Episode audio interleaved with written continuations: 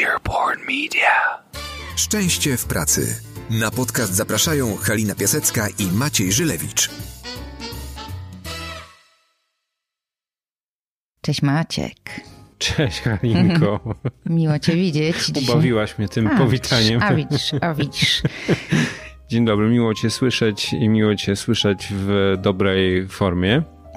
Ciebie także. Jak sobie tak rozmawialiśmy dzisiaj o tym, jak mamy rozpocząć nasz program, to mm, doszliśmy do wniosku, że może to nas tak ubawiło, że raz na jakiś czas trzeba przypominać te podstawowe rzeczy, te takie najważniejsze założenia.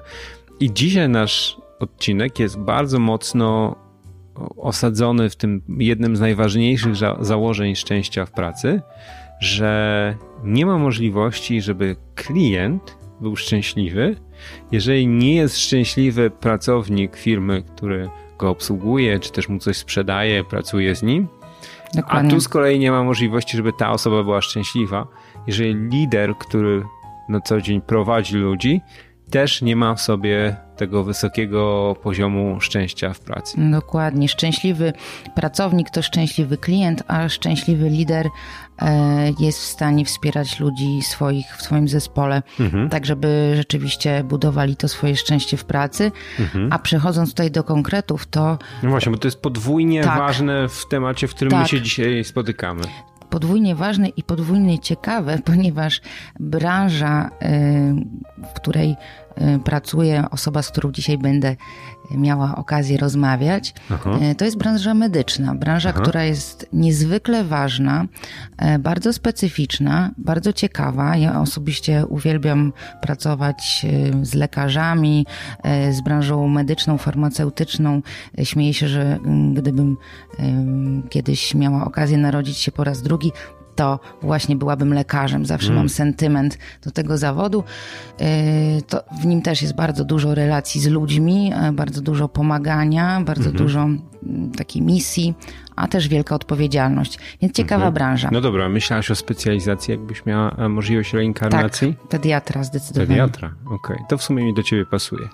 No właśnie, czyli dzisiaj mamy klienta jako pacjenta, czyli to jest podwójnie ważne, żeby osoby, które z nim pracują, były szczęśliwe i dobrze czuły się same z sobą, bo to przekazuje się dalej. A jak wiemy z badań, jeżeli tak wysoki poziom obsługi, takiej obsługi premium pojawia się na poziomie kontaktu z personelem medycznym, z lekarzami, a też chociażby z recepcją w takich punktach, to okazuje się, że to na przykład wpływa dobrze na e, terapię. Jak najbardziej. I um, robiono już wiele eksperymentów na świecie, są um, opisywane te działania, które w których przenoszono na przykład zasady wyjątkowej obsługi klienta y, najlepszych hoteli na świecie, luksusowych, po prostu do szpitala.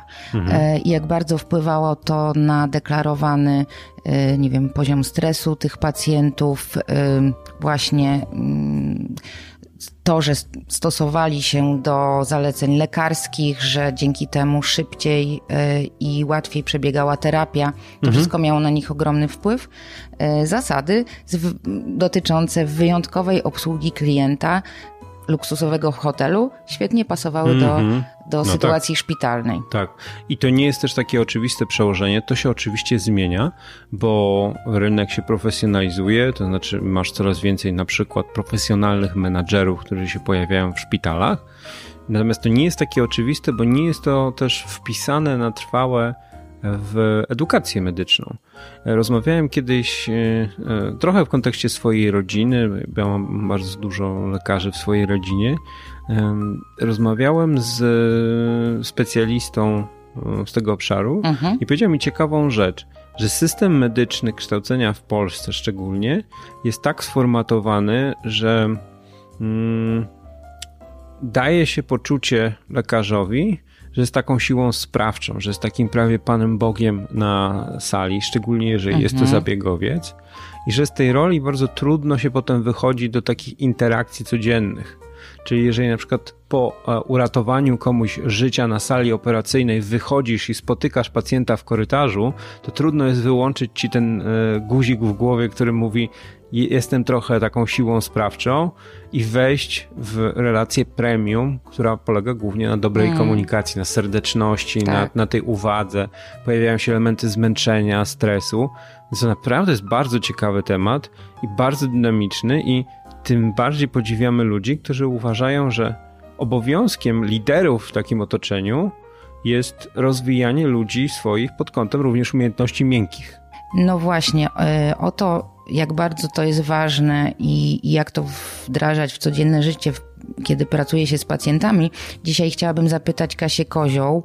E, Kasię, która jest y, współzałożycielką przychodni lekarskiej Nowum, y, która działa już ponad 25 lat. Y, Kasia jest też lekarzem drugiej specjalizacji w zakresie położnictwa, ginekologii. Mhm. Jest kierownikiem laboratorium embriologicznego. Bardzo ważna osoba, która wpływa na to, jak lekarze pracują z pacjentami w Nowum. Mhm gdzie ta relacja trwa długa, długo. Prawda? Tak, jest tak, długa. tak. To jest to, specyfika tych relacji. Tak, to, mhm. nie jest, to nie jest pojedyncza wizyta, tylko relacja, która trwa długo. Y, w kontekście tej przychodni leczenia niepłodności, no to tematy są bardzo też ważne, wzbudzające emocje i, y, i ten, ten kontakt jest specyficzny. Także o to na pewno ją zapytam i będę starała się dowiedzieć od niej, jak ona to robi, żeby e, właśnie o te relacje dbać, bo wiem, jakim jest człowiekiem, wiem o tym, że, że ten pacjent jest dla niej niezwykle, niezwykle ważny. Mhm, mhm. I to też jest fenomen, bo to jest przecież klinika, która na rynku jest dwadzieścia kilka lat. Tak. Więc mieli okazję przejść różne etapy rozwoju tego rynku i tak jak mówisz, tematy, którymi się zajmują, są bardzo stresujące dla samych pacjentów i oni wymagają podwójnie tej opieki premium, czyli tego podejścia bardzo psychologicznego, podejścia, które zaczyna się już na poziomie recepcji, zapisów, no oczywiście kończy się na samym kontakcie z lekarzem. No i w nową pracują, znamy ich i mieliśmy okazję z nimi pracować, pracują ludzie, którzy widzą to drugie dno w relacji z pacjentem. Jeżeli Was dzisiaj interesuje posłuchanie o budowaniu szczęścia w pracy, które przekłada się bezpośrednio na szczęście Waszego klienta, czy w tym przypadku Dokładnie. pacjenta, no to myślę, że warto posłuchać. Oczywiście to nie jest e, znowu tak, że e, opowiadamy Wam tylko i wyłącznie o idealnych sytuacjach, bo wiadomo, że to jest zawsze próba, błędy, podnoszenie się, uczenie życie. się, życie. No więc chodzi o, ten, o to dążenie do jak najlepszego e, stanu relacji z pacjentami. Tak, zapraszamy. Zapraszamy. Szczęście w pracy. Cześć Kasiu. Cześć, dzień dobry. Cześć, miło mi Cię widzieć wypoczętą po urlopie. Rozmawiałyśmy przed chwilą, że udał Ci się wyjazd na narty. Tak, dziękuję, bardzo było pięknie. Zobaczyłam trochę zimy prawdziwej. Świetnie. E, czyli teraz e, z pełną energią po odpoczynku wracasz do pracy. Czyli co robisz? Opowiedz, opowiedz o tym, czym się zajmujesz tutaj w Nowum. No wieloma rzeczami, nie wszystkimi z chęcią równą i z równą pasją, bo tak, po pierwsze jestem lekarzem, i to akurat z pasją, e, i przyjmuję pacjentów, chociaż już coraz rzadziej, ponieważ głównie zajmuję się tak zwaną embriologią kliniczną, czyli zapładnianiem pozaustrojowym w laboratorium. I to zajmuje mi dużo czasu e, i w związku z tym coraz mniej czasu mam na przyjmowanie pacjentów. A oprócz tego e, zarządzam tym laboratorium, więc też e, tworzę procedury, sprawdzam procedury, e, zarządzam ludźmi, którzy tam pracują. No i tak naprawdę zarządzam też, współzarządzam też całą przychodnią razem z moim partnerem Piotrem Lewandowskim. Więc tych takich biurokratycznych i zarządczych czynności jest coraz więcej i dlatego coraz mniej mam czasu na to, co najbardziej mhm. lubię, czyli na to zapładnianie w laboratorium. No właśnie, bo rozmawiałyśmy wcześniej, kiedy zachęcałam cię do tego, żebyś e, wzięła udział w naszym podcaście, żeby, jako, jako ten moim zdaniem wyjątkowo inspirujący gość specjalny. Mówiłaś o tym, no ale ja, ja nie jestem ekspertem w zarządzaniu ludźmi, ja o leadershipie nie mogę wiele powiedzieć. No i z jednej strony jesteś ekspertem, e, który w tym laboratorium e, dzieli i rządzi, e, a z drugiej strony jednak stoisz na czele kliniki, która z ogromnymi sukcesami działa już ponad 25 lat, w której pracuje ponad 100 osób. To jak to można nie być liderem, a jednocześnie stać na czele tak dużego zespołu? No to się jakoś tak zrobiło przypadkiem. E, nigdy nie miałam takich planów, ani e, nie podejrzewałam się o umiejętności e, mhm. rządzenia ludźmi. W związku z tym e, to się tak samo zrobiło, ponieważ myśmy powstali z małej przychodni dwuosobowej. Najpierw byliśmy dwuosobowym zespołem. I potem no, musieliśmy przyjmować kolejnych ludzi, którzy nam pomagali prowadzić tą przychodnię, bo było coraz większe zainteresowanie i jej popularność. No i z siłą rzeczy musieliśmy jakoś to wszystko pogodzić e, z rządzeniem, no bo trzeba było tymi ludźmi zarządzać, e, organizować e, pracę najpierw małej przychodni, potem coraz większej, potem przenieśliśmy się do nowej siedziby. To było już 15 lat temu. Więc w tej nowej siedzibie pracuje dużo ponad 100 osób, bo prawie 150. No i wszystko to trzeba jakoś zorganizować i nad tym zapanować, więc e, siłą rzeczy musiałam to zrobić, no bo nie było nikogo innego. No właśnie, to jest takie, takie mm, tak naprawdę no, odnalezienie się w jakiejś rzeczywistości, która się pojawiła z czasem, czyli że ten zespół rósł, było ludzi coraz więcej co też wiązało się z tym, że mogliście więcej robić, więcej osiągać, e, iść do przodu. Ale najpierw to, to o czym często rozmawiamy, była jakaś potrzeba, z jednej strony związana z jakąś misją, z drugiej strony z jakąś pasją, coś, co, co lubisz, co ciebie kręci. Powiedz więcej o sobie właśnie, jaka, jaka jest ta twoja historia zawodowa i w ogóle dlaczego poszłaś w tą stronę? No u mnie to same przypadki e, mhm. rządziły moim życiem, e, chociaż oczywiście te przypadki potem składały się w jakąś taką drogę, która wydawała się, że zawsze mi była przeznaczona, bo mm, e, zaraz po studiach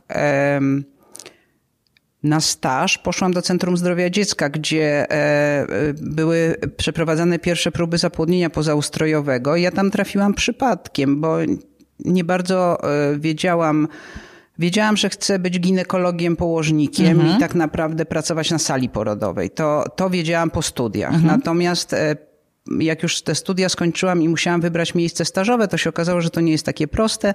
No i tam akurat szukali pracownika. Dobrze, to ja jeszcze dopytam cię, a dlaczego właśnie ginekologiem położnikiem? Dlaczego w ogóle w tą stronę chciałaś iść? ta specjalizacja mi się wydawała najpiękniejsza ze wszystkich. Dlaczego? No, chyba ze względu na porody. Tak? Mhm. To po prostu y, rodzenie się człowieka i, i przyjmowanie go, to, jest, to są po prostu takie emocje, e, że no każdy dzień może być piękniejszy od poprzedniego. Także to jest ogromna odpowiedzialność i, i, i wiele rzeczy może pójść nie tak, więc, więc na pewno e, też jest taki strach przed, mhm. przed każdym dniem pracy, ale no, e, to jest takie piękne, że, że wynagradza wszystko. Mhm. Więc to. I, mhm. I na studiach, już wiedziałam to na studiach, bo byłam w kole ginekologicznym, chodziłam e, na dyżury, takie wolontariaty na, do szpitala.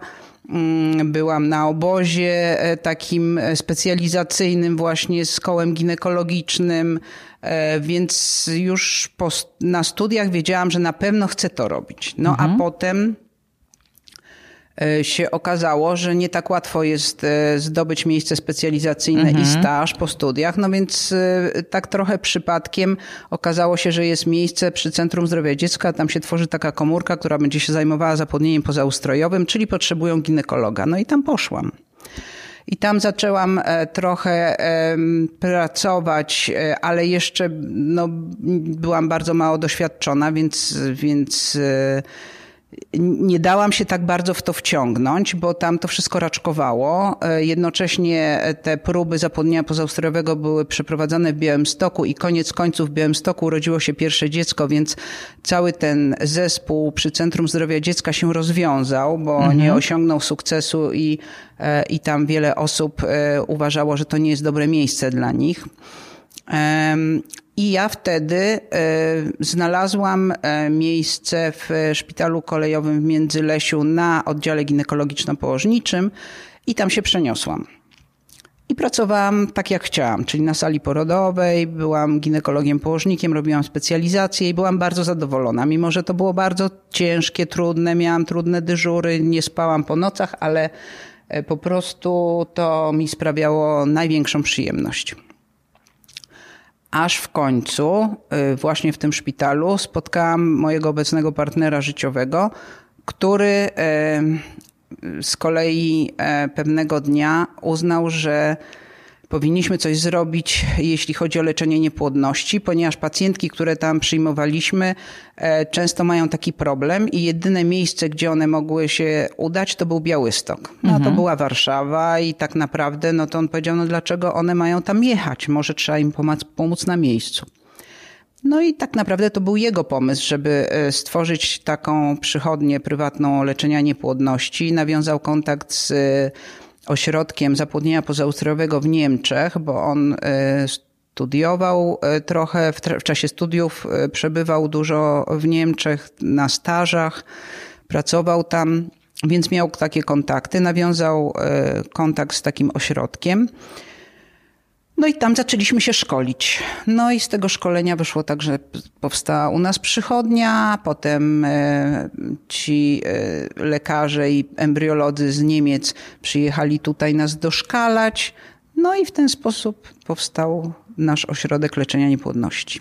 To wracając do Twojej e, misji, pasji od sali porodowej do laboratorium, zupełnie inna e, no rzeczywistość. inna. To znaczy, ja na początku e, też e, jakby zmieniając to swoje zainteresowanie w kierunku leczenia niepłodności, to nie byłam taka bardzo szczęśliwa, mhm. bo to, to jest zupełnie co innego. I tak trochę za tą salą porodową tęskniłam. Mhm.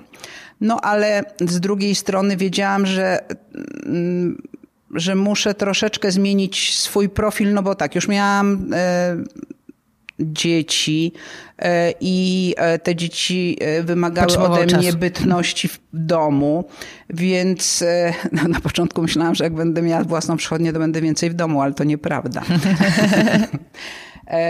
w każdym bądź razie to trochę zmieniło moje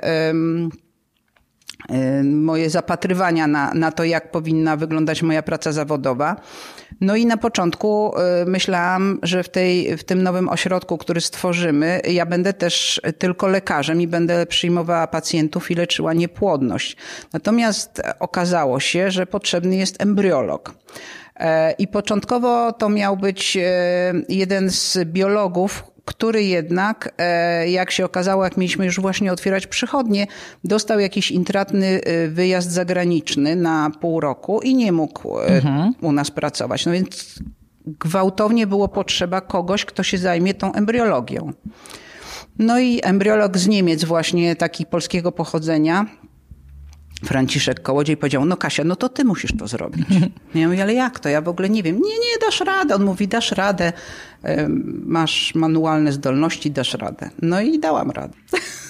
Co cię zachwyciło w tej pracy, bo, bo jesteś osobą, która z dużym zaangażowaniem robi to, co robi, e, w kon konkretnie w kontekście właśnie pracy embriologa i pracy w laboratorium. Co, co jest tam, co cię kręci? Co lubisz najbardziej? Jaki widzisz w tym sens? To znaczy, no, to wszystko, co mnie kręciło w, na położnictwie, czyli te porody i, i nowe życie, które się rodzi, to tutaj jakby rodzi się tylko trochę wcześniej, tak, na etapie komórkowym, więc te wszystkie emocje można było przenieść na wcześniejszy etap powstawania życia i okazało się, że to jest tak samo fajne jak, y, jak odbieranie porodów. Albo fajniejsze. Czyli jest to twoja pasja.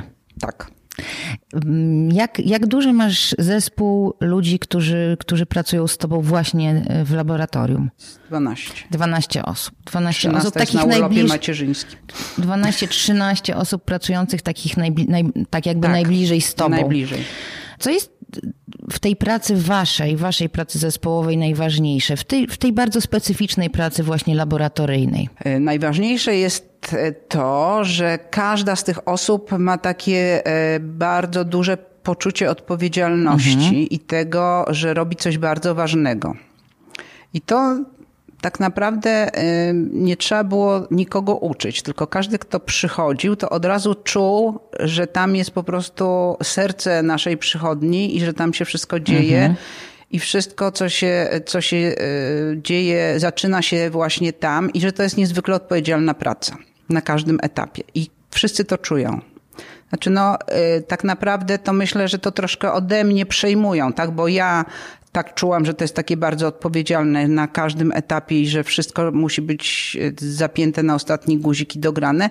I każdy nowy, kto przychodzi, to od razu czuje tą atmosferę, także nie ma wyjścia. Ja pamiętam właśnie, jak, jak kiedyś mi opowiadałaś o tym i, i mówiłaś, że no, no oni, oni muszą tacy być, oni po prostu tacy są, bo, bo ja nic wielkiego nie robię, tylko daję przykład swoim zachowaniem. To pewnie e, nie jeden właśnie mm, lider, menadżer y, mógłby pozazdrościć czegoś takiego. To jest taka, taka sytuacja najlepsza, kiedy za słowami idą czyny, a może nawet nie potrzeba słów, bo te czyny są po prostu zawsze i wszędzie. Ale jeszcze wracając do tej odpowiedzialności, to jest chyba coś takiego, co łączy w ogóle lekarzy. To jest takie y, nastawienie, podejście, w ogóle postawa, y, która jest kluczowa dla, dla Was wszystkich. I nawiązując do szczęścia w pracy, chciałam Cię podpytać o to, jak Ty to widzisz, jeśli chodzi o zawód lekarza, ale w szczególności w kontekście tej Waszej specjalizacji y, i tego, co robicie, to, to jednak jest też bardzo specyficzne działanie. Y, Czy ci lekarze są szczęśliwi w swojej pracy, czy nie? Od czego to zależy? Jakie jest Twoje zdanie? Moi lekarze, którzy ze mną pracują? Tak. No myślę, że w większości są szczęśliwi. E, chociaż czasami bardzo narzekają, że mają dużo pracy e, i że się nie wyrabiają i tak dalej. Ale koniec końców pracują z nami wiele lat. Większość zespołu pracuje ponad 10 lat. Świetnie. E, Wydaje się, że to jest właśnie z tym związane, że są szczęśliwi. To znaczy, że ta praca daje ogromną satysfakcję. Bo tutaj widać bardzo szybko efekt. E, Tak to nie jest e, walka z jakąś przewlekłą chorobą, z którą często się przegrywa, no bo wtedy to rzeczywiście można e, się sfrustrować. Natomiast u nas w większości wypadków jest efekt i jakby to szczęście pacjentów przekłada się na nasze szczęście, no i na szczęście w pracy. Jasne. Tutaj ten temat właśnie tego, jak to szczęście lekarzy przekłada się na szczęście pacjentów, którzy są też klientami. Ja sporo y, tym się w życiu interesowałam. Kiedyś w ogóle w dzieciństwie bardzo chciałam być lekarzem. Myślę, że gdybym miała drugi raz w życiu wybrać zawód, to bym właśnie wybrała ten. I, i mam zawsze do niego sentyment. Y, Gdzieś tam mm, jest on w moim sercu. E, I e, swego czasu, kiedy, kiedy studiowałam na lingwistyce stosowanej, zanim poszłam na psychologię, interesowałam się komunikacją i specyficznie pracę magisterską pisałam o komunikacji lekarz-pacjent. E, Ta komunikacja, czyli to, w jaki sposób e, lekarz nie tylko rozmawia z pacjentem, ale jak przekazuje swoje nastawienie, podejście, e, jaką buduje relację z tym pacjentem, ma ogromny wpływ na, i, na, i na jego samopoczucie tego pacjenta, ale też właśnie na, na to, jak on jest traktowany też jako klient, bo jest tutaj klientem z bardzo poważną potrzebą, e, ale też to wraca w drugą stronę do tego lekarza, który też coś dostaje zwrotnie, bo to nie jest jedna wizyta, tylko to jest dłuższy, dłuższy kontakt, prawda, szereg wizyt. E, Ja wiem o tym, że wy bardzo dbacie o to, żeby e, lekarzom dać narzędzia takie, które pozwolą im y, lepiej się z tymi y, pacjentami komunikować przez różne warsztaty, szkolenia, ale też sami jakby swoim podejściem, postawą zachęcacie ich do tego, żeby to było dla nich ważne. Czy uważasz, że ten sposób komunikacji, budowania z relacji w pacjentem ma w ogóle wpływ na to, jak przebiega leczenie, na nie wiem, jego skuteczność, w ogóle na to, jak pacjent się zachowuje w tej relacji? To ja uważam, że jest kluczowy, a szczególnie w naszej specjalności, kiedy właśnie ta relacja z pacjentem musi być, znaczy jest dłuższa, mhm. ponieważ no, leczenie niepłodności jest jednak e, długofalowym leczeniem. E, i tych wizyt jest wiele. Pacjent często się związuje ze swoim lekarzem albo chciałby się związać. No nie, nie zawsze to tak wychodzi, że, że trafia do tego samego lekarza, ale staramy się o to. E, żeby właśnie te relacje zostały nawiązane, bo uważam, że ta komunikacja jest jakby kluczowa. Znaczy, że pacjent powinien mieć zaufanie do lekarza, a po to, żeby zbudować, e, żeby to zaufanie zdobyć, no to trzeba taką zbudować relację i komunikację, w której on się dobrze czuje. E, no, Oczywiście to jest cały czas praca. E, nigdy nie można być e, e, w pełni usatysfakcjonowanym, ponieważ no wiemy, że czasami rzeczywiście tych pacjentów jest dużo, lekarze są przemęczeni, nie zawsze wszystko, co próbujemy przekazać im na warsztatach czy poza warsztatami, jak to powinno wyglądać, da się zrealizować. Oczywiście. Ale, ale staramy się, staramy się i mm, ja sama widzę po po swoich relacjach z pacjentami. Ja rzadko przyjmuję pacjentów, ale jak przyjmuję, to są zazwyczaj pacjenci trochę bardziej skomplikowani. E, Sytuacje Tacy... trudne trudni, tak. Trudni e, w, też w taki medyczny sposób, bo, bo na przykład im nie wychodzi i chcieliby się skonsultować z kimś bardziej doświadczonym. E, to ja widzę, że jeśli się nawiąże dobrą relację z pacjentem, jakby się w, w, wczuje w jego potrzeby, nie tylko medyczne, ale też takie psychiczne, to jest znacznie prościej i po prostu pacjent się łatwiej stosuje do zaleceń. E, i, i skuteczniej się go leczy po mhm. prostu. Są, są te y, eksperymenty opisywane, y, między innymi właśnie to, co profesor Michael Baum robił ze swoimi studentami medycyny, czyli zapraszał ich do tego, żeby poszli do muzeum i wspólnie przyglądali się portretom, autoportretom, które można tam było obejrzeć i zastanawiali się, kim był ten człowiek. Też od strony, jakim byłby pacjentem, ale też po prostu, kim on jest, czyli E, żeby potrafili zobaczyć w tym e, pacjencie człowieka. E, byli zaciekawieni w ogóle, jaki to jest człowiek, jaka jest jego historia, kim on jest. Nie tylko po to, żeby poznać nową osobę albo zbudować dobrą relację, ale okazywało się później, że ci lekarze, którzy mają taką chęć i, i starają się spojrzeć na świat przez chwilę chociaż oczami tego pacjenta, tego człowieka, na przykład stawiają o 50% trafniejsze diagnozy niż ci, którzy tego nie robią. E, więc to się po prostu opłaca. Ale powiedz, jak ty to robisz, bo rozmawiasz w tych sytuacjach bardzo trudnych. To ja czasem nawet mówię, że może ci ludzie nie są trudni, ale oni stają się może bardziej wymagającym rozmówcą ze względu na to, że ich sytuacja jest bardzo, bardzo trudna. Pojawiają się emocje, które wpływają też na to, jak oni rozmawiają, czy, czy rozumieją coś, czy nie. Co ty robisz, żeby z takimi pacjentami nawiązać więź i zdobyć to zaufanie, o którym mówisz, że jest takie ważne?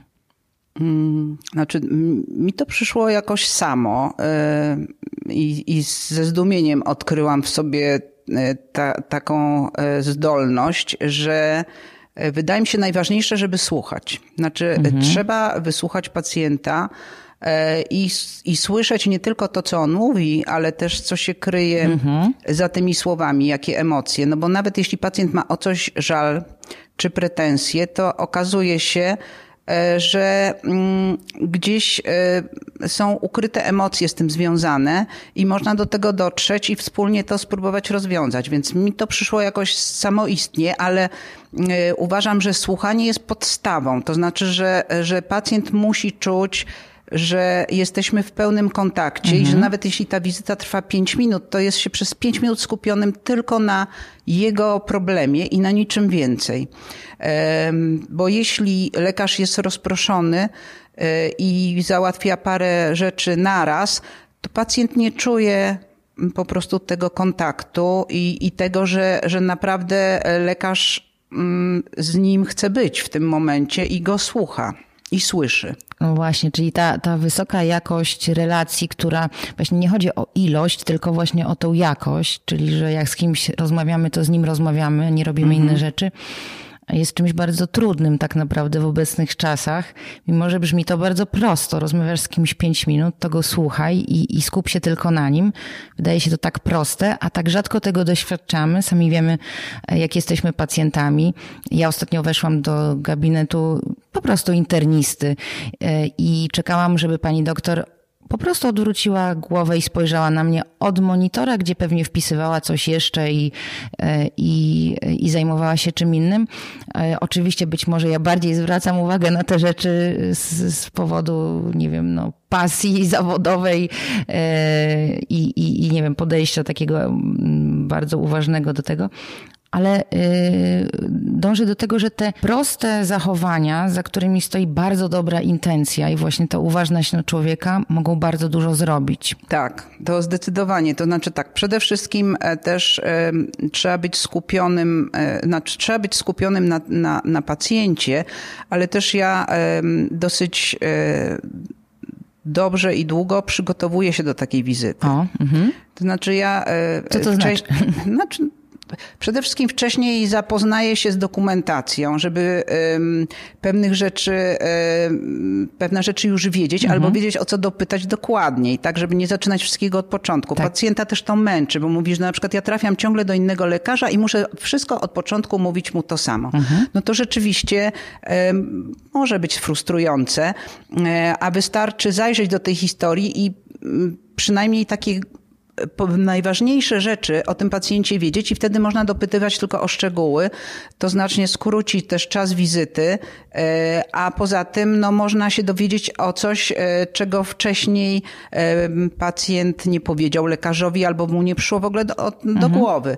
Więc ważne jest, żeby się mm, przez chwilę przynajmniej przygotować do takiej wizyty i skupić tylko na tym, i przemyśleć ją. To znaczy, no ja już mam jakąś tam koncepcję przed wizytą i tą koncepcję ewentualnie trochę weryfikuję, jeśli się okaże, e, że w trakcie wizyty coś mnie zaskoczy. Natomiast no, mam już jakieś pomysły wcześniejsze, tak? To, to nigdy nie jest, e, nawet jeśli wizyta jest krótka, to, to przygotowanie do niej jest na pewno dłuższe. Mhm. E, czyli po pierwsze pokazanie, że ten pacjent jest ważny, choćby przez to przygotowanie, po drugie przez to uważność na człowieka. E, Czy coś jeszcze ci pomaga w rozmowie w takiej trudnej sytuacji?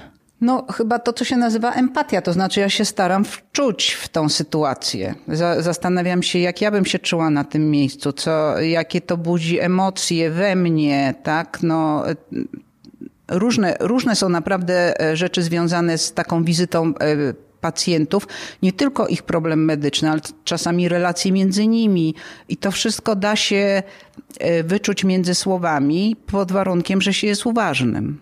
Mhm. Czyli mm, w Twoim zawodzie e, tak naprawdę to, to są też bardzo ważne zdolności, umiejętności, też Twoje talenty, bo z, jedno, z jednej strony możemy zdać sobie sprawę, że warto rozwijać takie umiejętności, nauczyć się tego, ale z drugiej strony też na pewno e, gdzieś tam taki talent warto mieć, po prostu e, otwartość też na ludzi i, i No na pewno, znaczy nie wiedziałam, że mam taki talent, ale no może się okazać, że, że rzeczywiście... Może się okazać, że mam. może tak się okazać.